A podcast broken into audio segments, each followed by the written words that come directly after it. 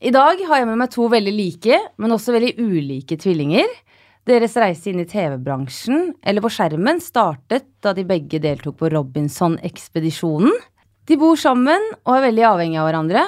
Nå er de begge med i hver sin konkurransedrevet realityserie, nemlig Camp Culinaris og 71 grader nord, Norges tøffeste kjendis. Velkommen, Vita og Wanda. Thank you, thank you. Tusen takk. Dere deltok sammen på Robinson, eh, men nå har dere deltatt i to ulike realityserier. Har dere vært så lenge fra hverandre før? Jeg tror kanskje det her faktisk var første gang vi var Det her var rekord.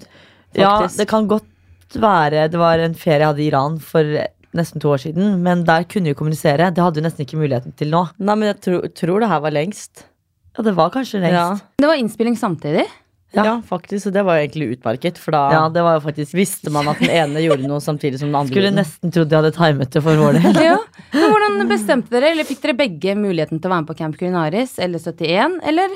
Jeg fikk jo 71 først ganske tidlig i fjor. Da var det egentlig bare meg, så spurte jeg liksom flere ganger Ja, men jeg gjør ingenting uten vann. da, Na, na, na. Og så var jo de veldig tydelige på det ganske tidlig at det kun var meg eller ikke, liksom.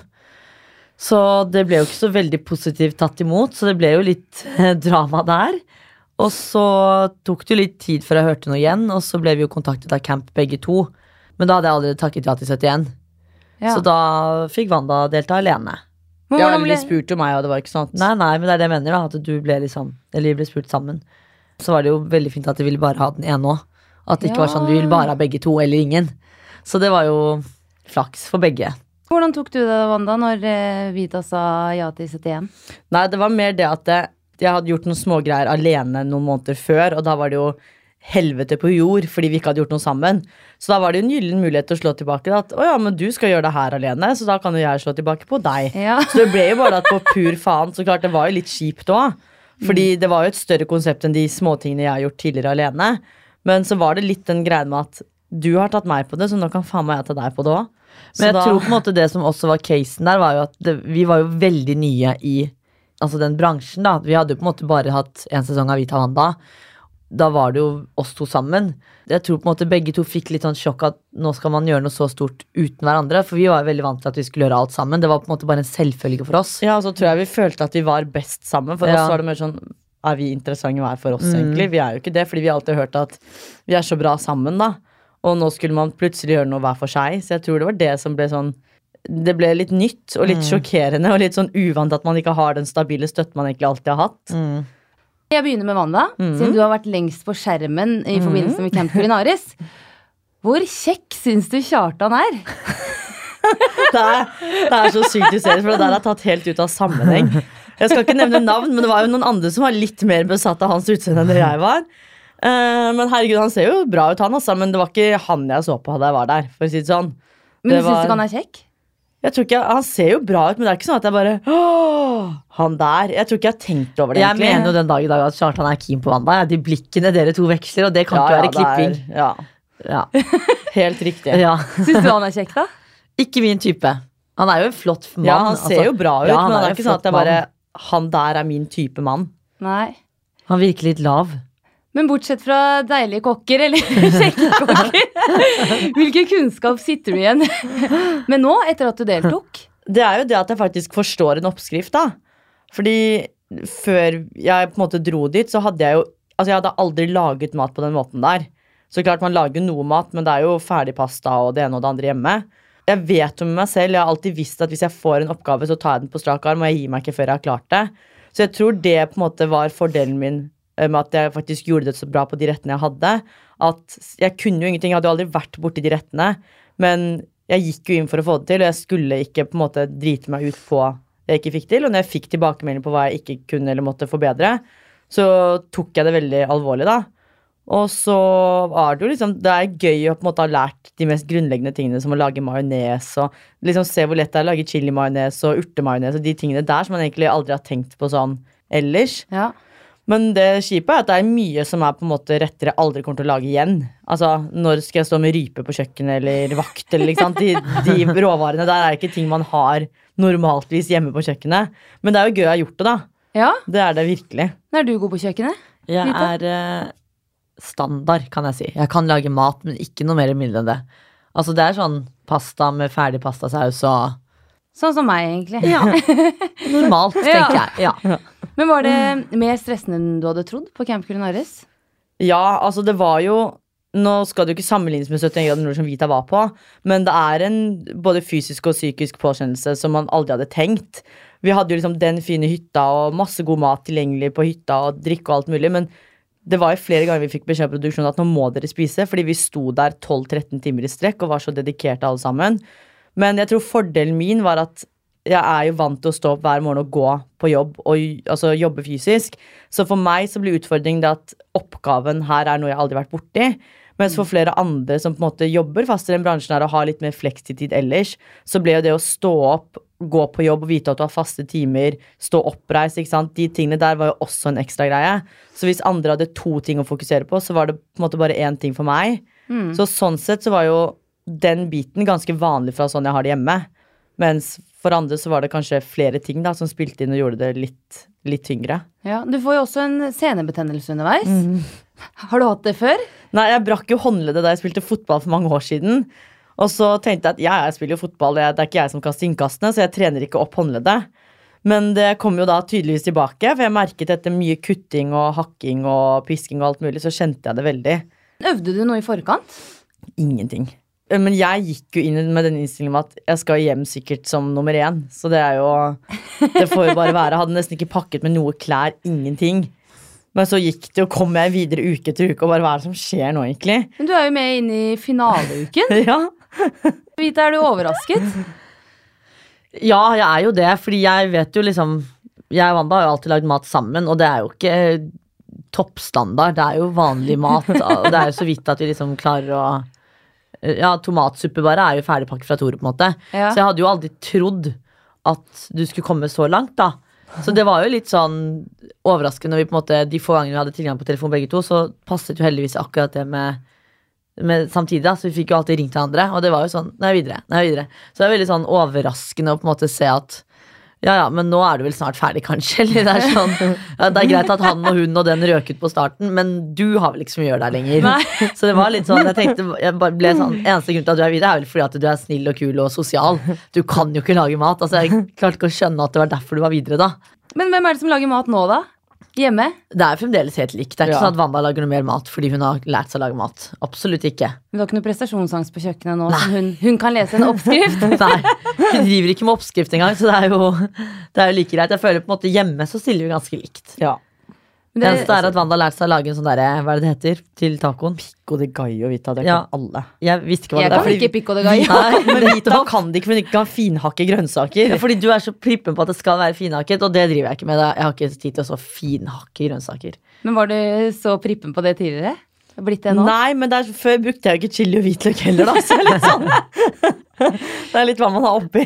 Men du får jo veldig mye skryt for rettene dine, så det virker jo veldig sånn pertentlig. Mm. Eh, Men så kan det også virke som du var litt borte fra barneskolen når de hadde gikk gjennom eh, fiskekunnskap. For å si det sånn, da. Det er jo veldig sånn klipt i hytt og pinne her. Men fra dag én så var jeg veldig blank på dette med liksom hav, livet i havet. Men så er det jo så klart, jo flere som ryker ut, jo mer plass får man jo. Og da kommer det jo tydeligere frem, men jeg syns det var dødsfascinerende. At jeg, er det en ting jeg virkelig ikke kunne, så var det dette med flyndrer og, og hår på fisk. Og det kan jeg stå for i dag òg. Jeg skjønner fortsatt ikke opplegget. altså, men torsken har jo skjegg. Jeg skjønner ikke sånn ja, Han har en sånn liten dings under Ja, og jeg prøvde å google det her om dagen for å se, og det, er, det ser jo ut som hår. Er du enig, Vita? Jeg har jo egentlig aldri vært noe fascinert av fiskere eller satt meg i det, men en ting jeg har vist, er at fiskere ikke har hår. Ja. Det vet man jo. Ja, ja, men jeg skjønner det var bare at jeg forsto ikke hvorfor. Altså, Hva var grunnen? Men Kanskje hun setter fast hår i tang og tare. Sikkert et eller annet. Får vel aldri gått og klippet seg heller, så det er for så vidt greit, det. En ting jeg er veldig imponert over, altså imponert over da, Vita. Er det natten dere hadde på toppen av et fjell? Fy faen. Hva heter det? Trollfinnstindane? Ja, var det ikke det, da? Jeg lærte meg aldri navnet, men det var et eller annet Tindene, husker jeg i hvert fall. For det var greia, Dere skulle eh, klatre opp på toppen, og så skulle dere videre derfra. Men plutselig så begynner det å snø. Et sånn væromskifte. Så må dere campe der på toppen. Ja, altså greien var, og det som er veldig synd, som ikke kommer frem på det, er jo Vi har jo en sånn eh, utstyrspakke hvor vi på en måte har tre forskjellige soveposer og sånne ting. Så vi kan jo på en måte selv velge hva vi har lyst til å pakke med oss av sovepose, men jo tykkere og varmere, jo tyngre. Men det vi alle deltakerne var enige om fra dag én, var at vi pakker alltid den tykkeste soveposen vår uansett hvor vi sover, fordi vi prioriterer søvn. Um, og så får vi en utstyrsliste til den turen, og hvis vi får den listen, så må vi forholde oss til den. Og der sto det at vi skulle ta den tynneste soveposen, som var en sommersovepose. Ja. Så vi bare ok, kult, hvor skal vi sove nå, liksom? Og vi hadde jo to sånne der liggeundermadrasser, hva det heter. Men de skulle vi også ta bort, for vi skulle få en sånn liten oppblåsbar som nesten var sånn flytemadrass. Det var Ja. det vi liksom måtte ta med oss, for det sto på listen. Så vi ble jo skikkelig sånn optimister. Var, ok, dette blir en kul overnatting. Og etter den ekstremt lange, tunge turen så kom vi på toppen, og da var det jo snøstorm. Og så gikk vi videre til en liten fjelltopp fordi vi på en måte skulle da rappellere ned. Og tydeligvis da, jeg vet ikke, det jeg forsto, er at det tydeligvis var inn i en type grotte eller noe da, hvor vi skulle sove. Og da har vi liksom stått på den toppen i hvert fall en time, da. Så kom jo sikkerhetsgutta tilbake og bare Ja, nei, vi må snu. Fordi vi kan ikke rappellere, det er ikke forsvarlig. Og da ble jeg sånn, ok, kult, men skal vi helt ned igjen, eller hva skal vi, liksom? For det var ingen som skjønte at vi skulle tilbake på den første plassen vi kom til. For Ja. det var jo altså, det var ikke menneskelig engang. Nei, det var helt bart. Det var liksom Og det var, ingenting så, ja, der. det var ingenting, og det var så mye steiner, det var helt grusomt. Og så kommer vi dit, eh, og så sier vi sånn Det var ingen av oss som hadde tatt med telt. Så jeg gikk jo bort til gutta, bare sånn sikkerhetsgutta, og sa sånn Ja, ehm, er det noen som har telt her? Hvor skal vi sette det opp? Fordi det går jo ikke an å sette det opp her, det er for mye steiner. Og da bare når jeg så det trynet til de gutta, de ikke visste hva de skulle si, så står vi alle sammen der og bare Gud, hva skjer nå, liksom? Altså, det var sånn Jeg tenkte bare, her skal jeg dø. Så da var det sånn, nei, vi har jo ikke telt, så vi skal ligge under åpen himmel. Og så prøver jo hele teamet og sikkerhetsgutta liksom få oss i godt humør og bare Ja, men dette blir koselig, dere kan legge dere inn i soveposen og spise god og varm mat. Og det var bare Da skjønte jeg bare sånn Det her kan jo ikke gå bra. Så, men vi hadde jo ikke noe valg, så vi måtte jo legge oss sammen. Og så starter det først med at Ola kan legge seg alene, Fordi han er jo ikke menneskelig. Så han, Han sovna jo med en gang. han sov hele natten. Han er søt, ass. Han er så søt. Og så begynner liksom vi andre da helt panisk å liksom bygge oss opp hverandre. legge oss i hverandre Og sånn Og så hadde vi ligget der i kanskje et par timer. Ingen hadde spist noe, for det var så kaldt. Og vi var så våte. Og så kommer liksom sikkerhetsgutta og begynner å bygge steiner rundt oss. Og da ble det sånn Ok, dette er warning. Ja. Dette er ikke bra. Og bare Kan dere være snill legge dere litt tettere inntil hverandre? For da måtte vi jo få kroppsvarme. ikke sant? Og da skjønte vi at det her kommer til å bli tøft. Og jeg tror totalt da at alle kanskje fikk maks én til to timers søvn i løpet av den dagen natta. For jeg tror vi på en måte var på toppen der sånn fire-fem-tiden. Og da skal du på en måte ikke begynne å gå før seks-syv på morgenen dagen etter. Så var det liksom tolv timer. Og den soveposen var så våt, og vi var så kalde, for det var jo den tynneste sommersoveposen vi hadde. Altså, jeg hadde frøset i hjel. ja, ja, og jeg kan jo ikke fryse, det er det verste jeg vet. Så jeg sto opp midt på natten eller hva det var, og bare så meg rundt. Så begynte jeg å be til høyre makt, og så begynte jeg liksom i hodet mitt da, å lage en sånn takketale til familie og venner. og Bare takk for alt jeg har opplevd, takk for alt dere har gjort for meg. Fordi jeg tenkte at jeg kommer genuint til å dø her. Jeg var overbevist om det, fordi det var så utholdig da. Men crew og sånn, hadde de med seg sovepose og Nei, Det var jo samme opplegg. da Nå vet ikke jeg hvordan type sovepose de hadde, men det som med de var at de ble jo syke. Og de jobber jo på sånn skift, så Ja. hele det teamet som var der da, de dro jo og var syke og dro liksom i hyttene sine dagen etter. Mens vi var jo bare sånn Å ja, ok. Ja, nei, vi skal jo ligge i lavvo igjen, vi, og ikke få varme i kroppen og Men hvordan hadde du takla det da, Wanda? Jeg vet ikke, jeg synes Det er så vanskelig å si hvis, når man ikke har vært der, på en måte, eller er der. da Ja. Fordi jeg vet meg selv at øh, høyder og sånn er jeg livredd for. Men så har jeg konkurranseinstinkt herfra til helvete, så jeg vet jo at hadde jeg stått i situasjonen, så hadde jeg ikke gitt meg. Men det er jo vanskelig å tenke positivt når du tenker at livet ender Men problemet der var at du er akkurat der, det var mange etapper du hadde mulighet til å gi opp, men der, du har ikke mulighet til å gi opp der, fordi du er støtt. Nei, det er ja, det, er det jeg akkurat det. tenker, det er ikke noe vits å si at jeg trekker meg, for da må du ned igjen, da. Det var jo det vi alle sa. Så da må- nå kan- trekker vi oss. Ja, Så da må man jo stå i det. Ja, så sto vi der bare sånn, hvordan skal vi trekke oss da? Skal vi hoppe ned fjellet da, eller? Så vi begynte jo å si sånn, ja, men tenk hvis, og så begynte vi liksom med det worst case scenario, bare sånn, men hva hvis, er det sånn at det, det kan lande et helikopter her? Men det fikk vi aldri svar på da, men det var sånn at vi, vi skjønte jo fort at det var liksom, du må sove der, og så skal du ned, det er ikke noen annen mulighet. Nei, der er dere strø Ja, vi er støkk der. Men føler du deg rusta nå, sånn at du kan ta med deg Wanda på en lignende tur? Nei. Nei, gud, nei. Jeg hadde aldri blitt med. Nei, jeg gjør jo egentlig ikke det, fordi vi hadde jo på en måte et veldig godt og trygt og stabilt team rundt oss, og så tror jeg det hjalp veldig med akkurat den gjengen vi var òg, at vi var veldig flinke til å motivere hverandre. Og det var veldig betryggende at vi på en måte ikke var Det var ikke meg og én til, men vi var et stort team, da. Mm. Så jeg tror på en måte hvis jeg og Wanda skulle gjort dette sammen, så tror jeg vi på en måte hadde krisemaksimert Det hadde vært med en gang. krise, synes jeg. Ja. Kunne du tenke deg å være med på 71, da? Ja og ja. Jeg vet, jeg vet Ja, ja. ikke. Ja, greien ja. er, men det er, jeg er så redd for høyder. da Jeg skjønte det ikke før jeg sto i en situasjon hvor jeg måtte liksom hoppe ut i det. Da vi var i klatreparken med God kveld Norge en gang. eller et eller annet Wanda, det var to klar- meter. Nei, det var faktisk åtte. uh, og da, og da Altså, jeg satt og gråt på kanten. Jeg klarte Ja. ikke å hoppe ut. Og så sier Vita bare sånn Lat som det er noen Gucci-sko du skal hente. Og da hopper jeg. Og så er det jo flaksen min at den strikken henger seg opp. Så jeg kommer meg jo aldri frem. Jeg ender opp med å dingle liksom midt på der. Og det er så klart flaksen min. ikke sant? Og det gjorde jo ikke sånn at det ble noe bedre for meg av den høydeskrekken. Det gjorde det jo ikke. Men da hoppet jeg i hvert fall. da Men det var jo ikke noen Gucci-sko der. Jeg kom meg aldri frem. Jeg endte opp med å stå og dingle midt på, midt på tråden der, liksom. Du burde ha fått Gucci-sko av produksjonen. Ja, faktisk. Er det mulig? Men gjorde du noen forberedelser da, Vita, før 71? De var jo veldig sånn tydelige på det at ja, dere burde gå, liksom, gå inn skoene og gå litt med sekk. Vi gikk vel to Så vi gikk sammen. vel to turer sammen og gikk med sekken to ganger. Men altså, så ble jeg litt sånn Hvor mye skal jeg forberede meg? Jeg er på en måte ikke på det nivået uansett, så det er ikke noe vits at jeg forbereder meg. For jeg vil på en måte også Jeg var litt sånn opptatt Jeg hadde lyst til å møte opp som den jeg var i dag. Ikke trent opp for å delta, for det følte jeg på en måte ikke ble helt ekte, da. Så jeg ville på en måte bare møte opp veldig utrent og bare sånn som jeg på en måte var, for å se hva jeg får til sånn som jeg var, da, istedenfor å på en måte ha trent to-tre måneder i forveien. Og det ble ikke helt ekte for meg å gjøre det på den måten. Men ble du i bedre form? Ja, det vil jeg si uten tvil, og jeg merket jo på en måte at jeg gikk jo veldig kjapt ned i vekt, og så ble det veldig sånn at jeg ble i veldig sånn god form, for at jeg, jo lenger ut man kommer, jo mindre sliten blir man på en måte, eller man blir mer vant til det da. Og det var på en måte ikke før jeg kom hjem at kroppen var støl i to uker, fordi den rakk jo ikke å hvile. Og da merket jeg på en måte ja, hvor mye jeg fikk til også, da. Fordi kroppen på en måte ble mer og mer vant til alt det kjøret. Men Manda, når du ser Vita få vondt, eller når hun slår seg i fjellveggen og sånn, Du ler. ler du, eller får du vondt av Nei, men greien er at jeg klarer ikke For det første så sitter jeg ved henne, så jeg vet jo at hun lever, så derfor blir det ikke like på en måte alvorlig, da, hvis man kan si det sånn. Nei, men da er jo liksom det viktigste for så vidt greit. Men jeg klarte ikke liksom se alvoret, fordi jeg syns det går så sakte når hun slår seg i fjellveggen. Så jeg sliter fortsatt med å vite når eller hva som faktisk skjedde på hvilket tidspunkt. Fordi For meg så virker det som bare sakte suser forbi fjellveggen. Jeg skjønner ikke helt Så liksom du må ha tidspunkt for å skjønne at folk har det vondt? Nei, jeg kan ikke helt Nei, nei, men så er det noe med at det er deg, da. Vi sitter jo og ler hverandre hvit. Det var, det var jo ganske hysterisk, for på premierefesten til 71 så sitter vi og ser det der, og så sitter jeg på bord med da en av våre bedre venninner. Eh, og da kjæresten til Niklas, og så sitter vi der, og så slår Vita seg. Alle bare «Åh!» Og jeg sitter der bare så, så han må jo ta ham på låret og bare Hva da? Jeg bare herregud, jeg, jeg klarer ikke ta henne på alvor når jeg gråter. Når hun gråter Fordi hun har jo sittet og ledd av meg når jeg har grått. Ikke Ja, men sant? du lager mat. Det er ingen som er gråter av mat. Nei, det blir akkurat samme greia. Du vet hvor sliten jeg var.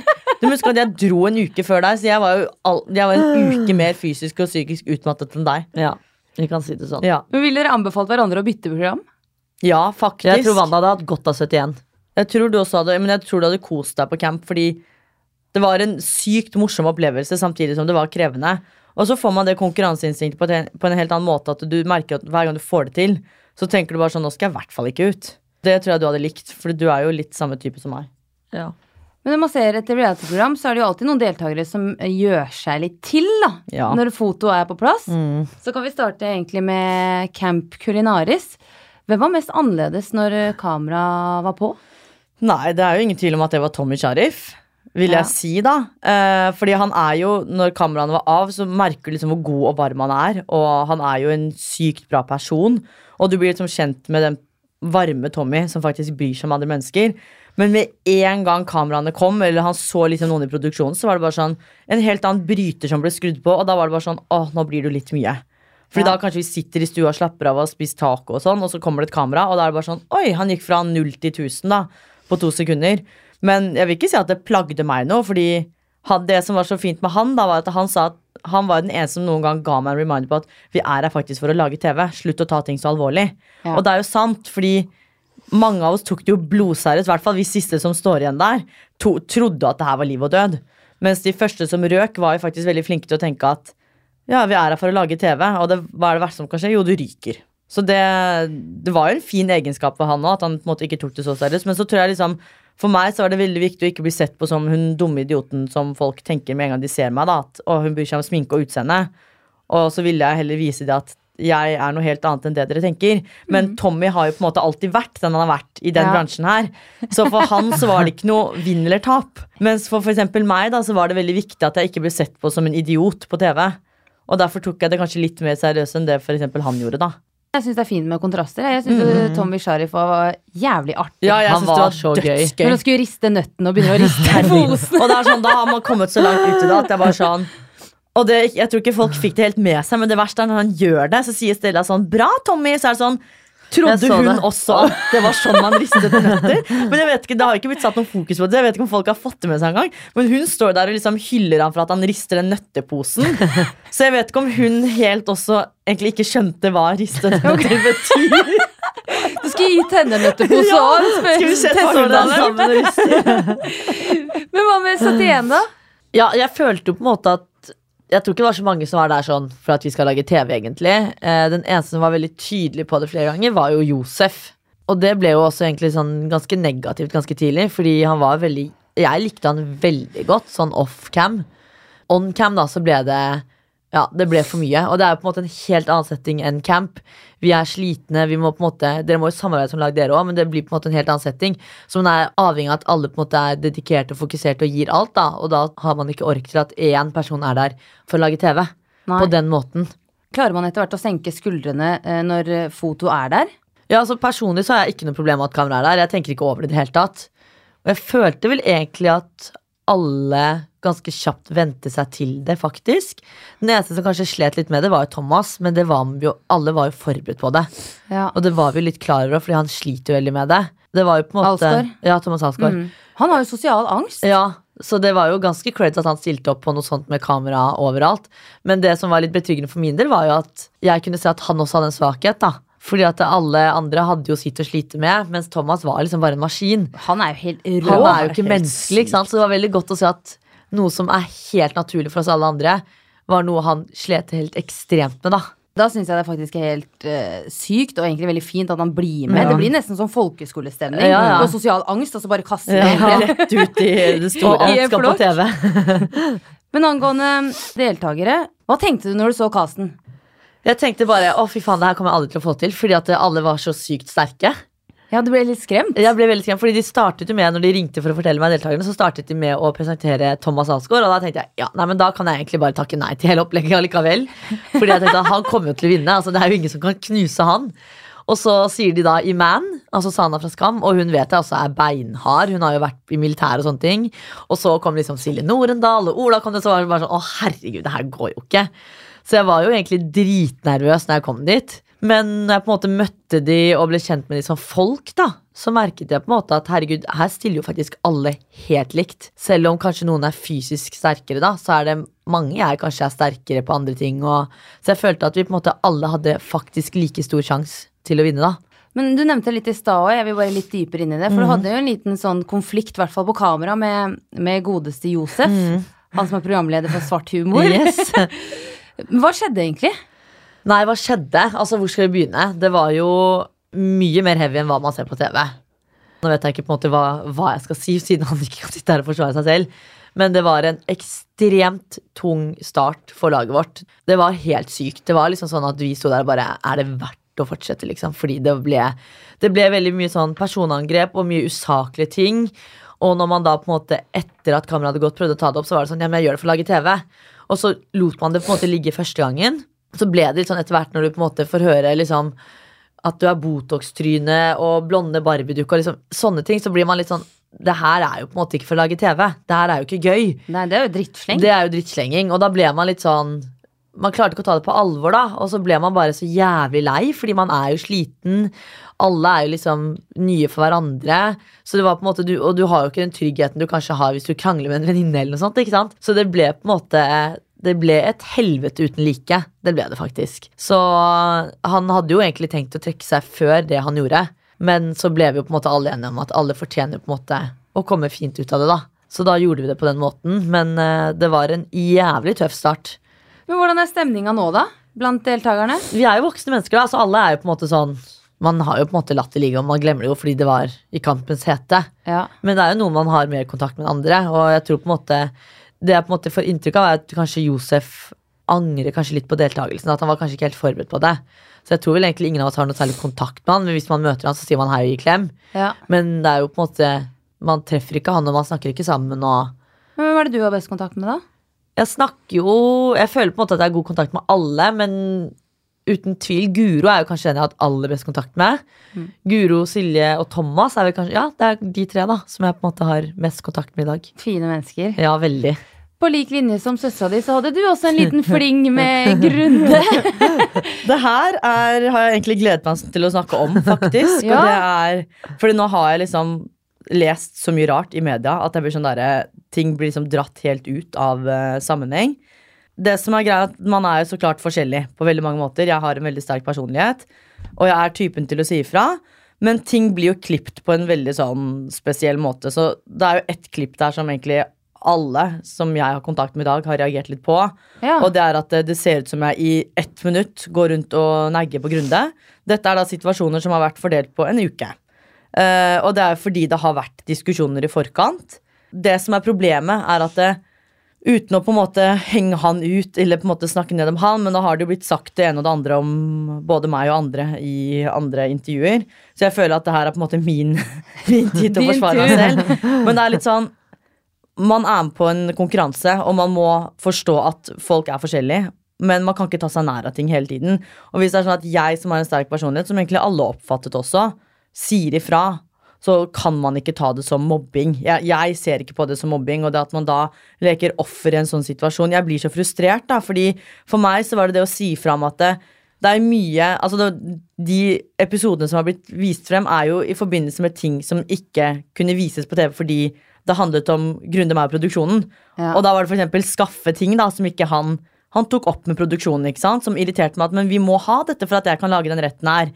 Og når produksjonen er i bildet, så kan de jo ikke ha det med. ikke sant? Så det er jo de tingene, så har de heller da fokusert på ting som har blitt sagt før eller etter disse diskusjonene. Og så er han dessverre typen som kan sitte og se på det og tenke ja, det var dette som faktisk skjedde, ja. Ikke sant? Ja, nå i stedet- etterkant. ja, i stedet for å tenke at det var kanskje ikke sånn der. Mens alle vi andre som sitter og ser på det, skjønner at oi, det her var veldig rart klipp til. ikke sant? Og da blir det jo en greie. ikke sant? Da er det jo lett for han som faktisk var ganske sårbar i under hele på en måte innspillingen, fordi han er litt mer følsom, tenke at det var faktisk det her som skjedde, ja. Og når det blir liksom dratt frem i kommentarfelt og sånn av eldre mennesker som sier dette er mobbing og utfrysning, og han sitter og leser det, så er det jo lett for han å tenke at dette her var situasjonen. Og jeg trodde jo helt ærlig at altså, etter innspillingen og alt mulig på finalefesten på Kragerø, så gikk jo ikke han bort til meg når alle møttes. Så jeg Oi. gikk jo bort fordi, Og da skjønte jeg at oi, han, det er faktisk et eller annet han går og bærer på. Da gikk jeg bort til han og ga han klem og alt mulig og snakket med han. Og da virket det som alt var fint. Og i etterkant når vi har møtt hverandre på forskjellige ting, så tok jeg faktisk en prat med han da Vitas var til stede. Og da fortalte han meg at han hadde vært veldig lei seg pga. Liksom, hakking og diverse. Og så er jeg sånn, men du må jo vite det at det, det har ikke vært noe hakking. Det har bare vært at jeg har sagt ifra. Og jeg beklager hvis det har blitt oppfattet feil fra din side. Og så sa han liksom at ja, han overreagerte kanskje, bla, bla. La vi det liksom fra oss. Og så kommer dette på TV, og da er det plutselig nytt sirkus igjen, da. Og da ble jeg sånn å ja, men hva skjedde med den praten vi hadde hvor alle egentlig hadde liksom lagt kortene på bordet og ting var fint? Og det som også er litt kjipt, er at eh, Terje for eksempel sitter jo gang på gang etter synk og sier sånn Nei, jeg har vært i synk og slengt dritt om dere og snakket det og det, og alle var egentlig veldig åpne på det, fordi vi var der jo for å lage god TV. Det var jo et underholdningsprogram. Og når det er én person som hver gang blir helt sånn der blank i øynene når de tingene her kommer frem, så blir det jo vanskelig å forholde seg til mennesket. Fordi jeg vet jo at folk sikkert har snakket dritt om meg i synk, eller sagt ting om meg også, men jeg vet jo at jeg er der for å lage TV. Og det skal jo ikke være sånn at man til slutt ikke inkluderer, men at man ikke tør å snakke om Grunde, da, fordi man vet at han tar seg nær av det. Han kan jo få lov til å føle det han vil, det er jo helt greit, men det at det plutselig er blitt mobbing og trakassering og utfrysning, syns jeg blir helt sånn derre Hvor er det det kommer fra? Fordi de gangene han ble valgt som førstelæring, var av ting han hadde gjort. Det er ikke fordi jeg ikke likte han. Og når han står i synk og sier at nei, Wanda har valgt meg fordi det er personlig, så er det sånn, hvordan kan du si det? Du kjenner jo ikke meg på den måten at du vet om dette er personlig. Men det er jo sånn, dere konfronterer han jo med det, sånn i ettertid, og da han står jo ikke for det. Nei, og nå har det jo blitt en veldig greie på det, da, for nå har han jo vært i både Se og Hør og alt mulig og snakket om at han har blitt mobbet og alt mulig. Og det er sånn der, når du sitter og ser det gang Men under Camp Culinaris, eller sånn Nei, nå hans? etter at han har røket, så sitter sitter ja. han da Det kom ut en greie i går da på Se og Hør hvor han sitter i et videointervju. Og så blir jeg litt sånn Jeg syns det er så Altså det er så smålig, fordi du sitter og sier at du har blitt mobbet av enkelte deltakere, og da siterer til ting jeg og Terje har sagt, og så blir det litt sånn Men hvorfor gjør du det når ikke vi har muligheten til å forsvare oss selv? Og så sitter vi der, da. En voksen mann med barn, og jeg som da er daglig leder i en butikk og driver ans med ansatte hver dag, og blir stemplet som mobbere fordi vi har sagt ifra om ting, eller vært der for å lage underholdning, da, være morsomme. Og så ser du på TV og hører, leser kommentarfelt hvor folk sier at dette er mobbing, og så tenker du ja, det her var mobbing. Det var sånn det var. Da blir man jo frustrert, for det er jo ikke sånn jeg er i det hele tatt. Nei, det er litt skummelt å få på seg et sånt Det rykte. det er jo akkurat det det er. Og det er sånn Hvis man skal bli så hårsår på ting, så tenker jeg men da må du ut av den bransjen her. for Fordi her blir du tatt for alt. Det er liksom, du må ha liksom litt selvinnsikt og litt forståelse for at du gjør feil, du også. Men det er ikke sånn at fordi du får litt medlidenhet i forhold til ting som har blitt klipt, så er dette her situasjonen i forhold til hva det har vært. Det er mye jeg kan se på på camp og tenke at ja, det var sånn det var, ja. Men så vet jeg innerst inne at det var ikke sånn det var. Vi har jo vært der alle sammen. Vi vet jo egentlig hvordan situasjonen var uten, utenom at det er bygd, bygd opp på en annen måte, da. Så det er litt synd. Fordi jeg følte at man på en måte hadde liksom snakket ut om det, og ting hadde blitt fint igjen, da. Men når man sitter og ser på det i etterkant, og man tenker at sånn var situasjonen hele tiden. ja, det er liksom det er etter, Nå tenker jeg sånn, nå er det to uker siden du røk. Nå må snart, nå må du slutte å melke den kua. Du har ikke blitt mobbet. Du har blitt snakket til, og ting du har gjort galt, har blitt tatt opp. Jeg er kanskje litt mer hard enn noen av de andre der. Det vet jeg at jeg er, men det er sånn jeg er av natur. Men det er ikke dermed sagt at jeg mobber deg fordi jeg sier ifra at dette her ikke er greit. Og da er det jo kjipt, da, når du sitter og, og folk som kjenner deg, blir sånn der Men det der er jo ikke deg. Så er det sånn, nei, det er jo ikke meg. Det er jo, det er jo sånn det har blitt klipt. Men sånne ting syns jeg er ganske interessant, for det er sikkert Det kan hende at han virkelig tror at han, at han har blitt det. Ja, og det er jo Eh, leit. Det, Men det absolutt. tror jeg faktisk også, for jeg husker jeg møtte han på et event eller noe, og da kom han jo bort til meg, og da snakket han med meg og en annen venninne, og da sto han og sa til meg og min venninne at han ble mobbet. Så jeg tror han sitter inne med den følelsen. Men han er sikkert litt mer hårsår når det kommer til akkurat det, fordi eh, han har hatt en, eh, en periode i livet, har jeg lest om, da, der han faktisk har blitt mobbet. Mm. Ja. Og kanskje det skal fryktelig lite til. Det skal det, og det merker man jo. Men det er, det er så kjipt, da, fordi Vita og jeg har jo hatt samme type oppvekst. Så klart folk er forskjellige, og vi har jo vokst fra det, og på en måte det har gjort oss sterkere. Men jeg skjønner ikke hvorfor han heller ikke kan sitte og tenke at fy faen, jeg har klart det, jeg har kommet meg ut av det, og jeg liksom har det så mye bedre i dag. I stedet for at hver gang det er en ting som ikke omhandler deg, eller hvis det handler om deg på en ironisk måte, så tenker du de menneskene liker meg ikke, alt er personlig. Men da kan du ikke være i den bransjen her, fordi det er, det er en bransje hvor alle er ute etter å ta deg på noe. Uansett om du gjør det bra eller dårlig, da. Og hvis ikke du er sterk nok til det, så, så burde du ikke på en måte holde på med det du gjør, da. Nei, det er noe med det. Enten så må du lære av det, eller så må du holde deg Ja, det. Ja, det. er akkurat det. Så det er jo synd, fordi jeg følte at liksom alle kom godt overens etter hvert, da, eller nå i ettertid. Og så Ja. kommer dette her, og det er hver dag så er det noe nytt. Men har dere noe kontakt i dag? Nei, eller vi har jo samme grupper og alt mulig, og jeg, jeg har jo ikke snakket noe med han, men det er jo hei hvis jeg hilser, eller hvis vi møter på hverandre. Ja. Men så klart, sånn som Vita sier, det er jo andre deltakere man har kommet best overens med, som man faktisk blir på en måte venn med, da. Ja, Hvem kom du best overens med, da? Nei, det var jo Jorunn, Linnea, Terje og Adam, da. Det var Ja. de jeg på en måte, og det er de jeg på en måte har mest kontakt med i dag òg, men det er litt mer altså personer som har litt sterke meninger, og vi er veldig ulike, men fortsatt veldig like på mange plan, da. Så det er jo de jeg på en måte har ja, typ daglig dialog med, da. Hvem var det som sånn. skapte best stemning, da? I campen? Terje, herregud, jeg hadde magekramper. Det var, altså, det var helt latterlig. Det var bare sånn Ting han sa, var dårlig humor, men det er sånn humor jeg har. Så det var jo flere ganger jeg snudde meg og så at Linnea for eksempel, sitter der bare himler med øynene. Og jeg og han ler oss i hjel? Og han visste akkurat når han skulle si ting som fikk meg til å bare falle sammen av latter. Og så hadde jeg det jo veldig gøy med Emil òg. Og Jeg syns at han kom veldig godt inn, selv om han kom på slutten der. Og passet egentlig veldig godt med liksom, hvordan type menneske han var i forhold til oss. da Det virker som han tar ting så chill. ja, og det Ja, var egentlig veldig deilig. ut. Ja, det var Det er veldig helt deilig. Alt er så greit. Han er ikke redd for Kjartan. Nei, men, det var, det, men det var jo fordi Kjartan var redd for han, tenkte vi. det var jo det som Han var greia. sikkert en Jo, jo. skumlere menneske. Ja, men det var Menysmakingen og sånn ble jo noe helt annet etter at Emil kom. Fordi Kjartan var plutselig så snill, og alle så der bare Er han redd han, eller hva er greia? liksom? Fordi plutselig så var han så snill, men ukene før Emil så var han jo et rent helvete på jord. Men jeg tror det faktisk kan ha noe med at han var så streng, Ja. og så så kanskje produksjonen at oi, dette her går veldig, Ja, veldig utover deltakerne. ja. De mister faktisk motivasjonen. Ok, Kjartan, nå må du endre innstillinga. Nå må du ta det litt Ja, roligere. Og det tror jeg, for det var ikke noe konstruktivt. Det ble jo Alt ble så usaklig. Det var sånn der, Begynne å si til meg at du kan ikke ha en brun hva var det, sånn krabbekake på et brunt fat. Så ber jeg meg hente brunt matpapir. Ja. Det sånn- det ble ikke noe bedre. Unnskyld kompis, det ser jo billigere ut, og det er jo brunt mot brunt til oss. Det er sånn, du må jo komme noe bedre. Det ble så usaklig, da. Når han ikke kunne tas på smak og hvordan ting på en måte var, så var det mer på utseendet på hvordan vi hadde lagt det frem. Ja, Hvordan kan man lære da? Ja, Og da blir man jo demotivert når det ikke er konstruktivt. Deg, Davita, hvem er det du ikke hadde klart det uten på 71? Åh, det er vanskelig, altså. Jeg følte på en måte at alle der hadde en veldig viktig rolle for meg. Uansett hvem, selv om vi ikke var på lag og sånn. Hvis vi tar i forhold til laget, da. Nå I det siste har jeg vært på lag med Thomas, og jeg må si at uten han så hadde jeg nok ikke klart meg på slutten her, fordi han var så flink til å motivere. Han sa liksom akkurat ting når du trengte det. Og det var ikke sånn 'du er helt rå', det var liksom bare sånn en liten kommentar, og da blir man sånn 'fy faen, nå skal jeg klare ti meter til'. Så sånn sett så tror jeg på en måte han, men jeg tror på en måte også alle var så viktige for meg. da Jeg lo så mye av Ola-Conny. Guro og Silje var så fine å snakke med. Iman ble liksom som en lillesøster. Niklas var så morsom. Så det er veldig vanskelig å si sånn én person. Jeg tror på en måte ikke at jeg hadde klart meg uten noen av de. Fordi at jeg følte at alle var så viktige for hverandre, da. Og i hvert fall for meg. Vi ble veldig sammenspleisa selv om vi på en måte var to forskjellige lag. Men en ting jeg lurer på, er om det ble noe drikking eh, offcam.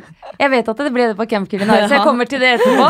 Men vi tar 71 først. Vi var en sunn gjeng, så det ble vel egentlig Jo, det ble faktisk på episoden som nå var nå sist i går, faktisk. Tacokvelden? Så- Tacokvelden så ble, fikk vi faktisk øl. Men jeg er ikke noe glad i øl, så jeg drakk ikke øl. Nei. Det Så var vel egentlig det eneste, altså. Det er kanskje så ikke så fett en- å gå på tur med hangover og Nei, kanskje ikke. Og så er det sånn når du ikke har drukket på en stund, så blir man jo bare full av å lukte på en øl, så, Ja, det, Jeg tror på- man tåler mindre. så jeg tror på en måte det holdt med den ene der, altså. Ja, hva med, hva med dere da, Wanda? Nei, vi hadde jo tilgang på alkohol, da, men sånn som noen av oss var jo tok seg et glass på kvelden og koste seg, men vi var hjemme så sent, så det var jo gjerne liksom en time oppe å spise, og ta seg et glass og legge seg. Men så er det jo enkelte, da, uten å nevne navn, som gikk på en smell og hadde kanskje Jeg vet ikke om man kan si gøy, ja, fordi jeg hadde sikkert hatt angst hvis det hadde vært meg, men hadde det kanskje litt ekstra gøy med alkoholen og Men ble det, ble det liksom hver kveld, eller? Det var vel mer det at det bygde seg opp, at det var litt og litt og litt, og litt, og jo lenger ut man kom, så var det sånn Åh, kødder du, må det her skje igjen? Så det ble jo mer det at jeg tror folk gikk og la seg fordi man helst ville unngå situasjonen, for det ble sånn usaklige diskusjoner dratt opp på kvelden. Oh ja, når dere Eh, drakk? Ja, og da var det litt sånn, vet du hva, vi går og legger oss, på en måte. Men eh, jeg skal ikke gå for hardt inn på det, men det var jo Jeg synes som sto på utsiden og så på, syntes jo at det var veldig gøy. Ja. Men, ikke, men man blir jo litt sånn når du selv tar deg et glass og koser deg, og så er det en person som er dritings og blir helt sånn usaklig og tar opp temaer som er sånn der, helt irrelevant, så blir man litt sånn der Kødder du, nå må du slutte snart, på en måte. Jeg tror nok vi var mye mildere, eller det vet jeg også, for det sa produksjonen, mildere enn eh, fjorårets cast, fordi vi hadde jo alltid alkohol som på en måte sto der, som vi ikke drakk. Vi hadde ikke tid, og vi Dere var fokuserte for ordentlig. Vi var, jeg tror det ble en utfordring for produksjonen for det var flere ganger de bare Nå må dere spise. Og prøvde å liksom sette i gang liksom scener og kom liksom inn og bare Kan ikke dere tre sette dere i sofaen ute og snakke om hvem dere tror blir, stemt, nei, blir tatt ut som førstelærling? Og alle bare Nei. Og det, det var liksom, de måtte sette i gang ting, da, Fordi det var jo egentlig en fin gjeng, og ting gikk egentlig veldig fint. Og det var ikke noe sånn dramatikk rundt noe av det i starten, i hvert fall. Det er vel kanskje mer nå i ettertid. Men eh, Så jeg tror nok de Jeg tror ikke de hadde forventet det, det som kom dit, da, av Kast. Jeg tror nok de var mer forberedt på at det her skulle det bli liv og røre og drama og alt mulig annet. Og så fikk de ikke det. Nei. Men fra alkohol til fobi. Fordi på 71 så kommer det fram at du har Altså, jeg har aldri sett noen være så redd en hest. Nei, jeg er livredd gårdsdyr, altså. Jeg er det. Men er du like redd for, for krypdyr? Fordi Wanda, du eh, Ja, altså. Et bitte lite Jeg vet Det ikke, for meg- Ja, hva er det det er? Nei, var ikke det For meg er det alt som har masse ben, er edderkopp. Ja. Men jeg mente Linnea sa at hvis du har åtte ben, eller annet, så er du beregnet som edderkopp. eller et eller annet. Men det- var sånn jeg vet at den ikke kan gjøre meg noe, men bare, hvis den er på meg, så føler jeg at det er overalt. Og da får jeg sånn ekkel følelse, så jeg tenker at jeg klarer meg Men hva med hestefobien din? Nei, altså, for meg så er det mer det at jeg ikke har kontroll på de, og at de er såpass store, og jeg føler de er så selvstendige. Så jeg føler at de gjør som de vil. Og det er det som egentlig skremmer meg mest, for jeg syns det er veldig fine dyr. Hestene er jo kjempefine. Det er bare det at jeg, tanken på det, For meg så er det veldig unaturlig at man skal sitte på en hesterygg og ri i syv-åtte timer, og at liksom hesten skal fremdeles like deg. Det er liksom alt det der, da. Bare det at det, jeg tror også hesten får den viben av at jeg er redd, og da blir den enda mer sånn Ja, men den, den føler. ja, det merket jeg, Ja. for å si det sånn. Det Er du skeptisk, så blir den også skeptisk. Altså, det man ikke ser på 71 her, er jo at den etappen som var på fem-seks timer, av de fem-seks timene, så var vel fem ja, Fire og en halv av de timene Da ble jo jeg og hesten min tauet i bånd av en av de lærerne som var der. Fordi jeg ikke klarte å håndtere hesten fordi jeg var så redd. Men du satt deg på hesteryggen, da. Jeg gjorde jo faktisk det.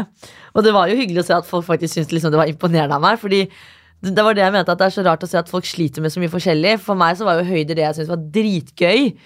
Og for mange så er det naturlig at folk er redd for det, mens når jeg er redd for hester, så er det helt sånn å herregud. Men det, jeg har jo samme redselen for hester som f.eks. de som har redsel for høyder. Så for meg så var det veldig utfordrende at vi da skal ha en hel etappe på en hesterygg. Og jeg vet at det er kun den veien der jeg må komme meg til mål på, er å sitte på den hesten. Men er det andre dyr du er redd for? Gårdsdyr generelt. Det er liksom griser, kuer. Det ser man også litt av i episode 1 eller 2. Når de kuene plutselig står midt i veien. Skjønner ikke poenget. Så det er mer sånn der gårdsdyr. Ja, geiter, høner. De kan liksom flakse.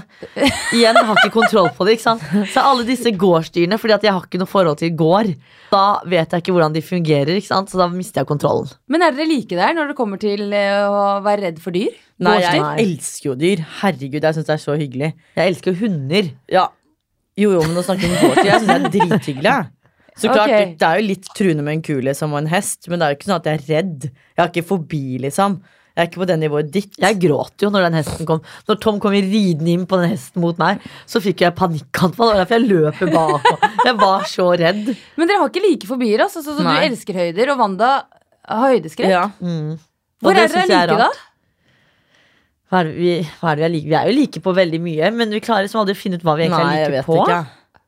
Vi er kanskje veldig like på at vi har ekstremt konkurran konkurranseinstinkt, for eksempel. Ja, og sterke personlighet. Vi liker å Ja. si ifra, da. Vi er veldig sånn som Du er kanskje fra. enda verre enn meg der, så Jo, men du det er er kanskje greit at Grunde opplevde meg, da, ikke Vita, Ja. for da hadde, du, jo- da hadde Vita blitt buret inne. Ja, faktisk. Det er artig å se dere bo. Jeg er jo mild i forhold til hun Ok, så du sier ifra. Er du sjefen i heimen? Nei, der Men hun, skal, hun er ikke sjef, men hun skal ha siste ordet. Det skal du så også. vi kan holde på en halvtime med at det er sånn Nei, jeg, jo, du, nei. Så hører du bare til slutt at det er sånn hvisking. Lyden går. Fordi hun skal ha siste ordet, da. Jo, nei, jo, nei. Jo. Men allikevel så skal dere bo sammen for, for alltid. Det, det Ja. er fordi jeg tror ikke det er noen som hadde holdt ut med Nei. hverandre like godt som vi gjør, da. Var vi vant Kjærester og sånn, da? Hvis de flytter inn med én, så må, blir den andre med på kjøpet. Det kommer ikke til å skje. Det, Vi det er kommer ikke- uansett på et tidspunkt til å bli naboer, tenker jeg da. Bor rett ved Ja. siden av hverandre eller noe. Vi blir ikke kvitt hverandre. Nei. Helt til slutt, hva var det verste med 71? Det verste med 71, det var når det var over, faktisk. Er det sant? Ja. Fordi jeg tror egentlig på en måte jeg dro dit uten noe forhåpninger og forventninger til noen ting. Så når det var over, så var det sånn Det ble så brått. Det er sånn Å ja, nå er det ferdig. Det gikk så fort, da. Det er Ja. sånn, nå, er liksom, nå er alt ferdig. Det er innspilling over, og liksom Da var det eventyret over, fordi prosessen dit er så lang. Og så plutselig er man der, og så er det sånn Da var det over. Hva skjer videre, liksom? Det liksom? er sånn vakuumfølelse. Ja, veldig, Hva med Camp Culinaris? Hva var det beste? Det beste var egentlig at al Altså bli kjent med de jeg ble kjent med, da. Og at det var en opplevelse Jeg gikk inn med null forventninger, og så ble det bare noe helt annet enn det jeg hadde tenkt. Så og så var det jo Det var jo uten tvil de jeg har mest kontakt med i dag. De Ja. menneskene. Jeg er veldig glad for at jeg ble kjent med de. Og vi er jo ikke så mye sammen. Vi snakker sammen hver dag. Det er jo hver gang jeg tenker sånn så Hvis jeg snakker med Jorunn eller Adam, eller, så er det sånn Oi, disse menneskene her ble jeg kjent med for litt over et halvt år siden. Man blir, sikkert, altså, man blir jo kjent på en helt ja, annen måte. Fordi du ikke har telefon, du har ikke de tingene der. Så man blir kjent med mennesket, da. Og ikke det teknologiske og liksom bildet ditt på Instagram. Det er fordi du snakker med personen og har en dialog at du blir mye bedre kjent med dem. Så er man litt tvunget til å bli kjent, da, ja, fordi du må bare er overleve med de. og så Ja. merker man fort hvem man på en måte klikker bedre med den andre. da Og det er jo hyggelig og Jeg var jo redd for at jeg ikke skulle bli kjent med noen, eller klikke med noen. Og så har jeg klikket med for det første den jeg ikke trodde jeg skulle klikke med, som var Linnea. Som jeg var sånn, Hun er den eneste jeg sa til produksjonen Vi kommer ikke til å komme overens, fordi hun er imot alt jeg gjør. og vi er bare veldig ulike, men hun var jo en av de jeg kom best overens med.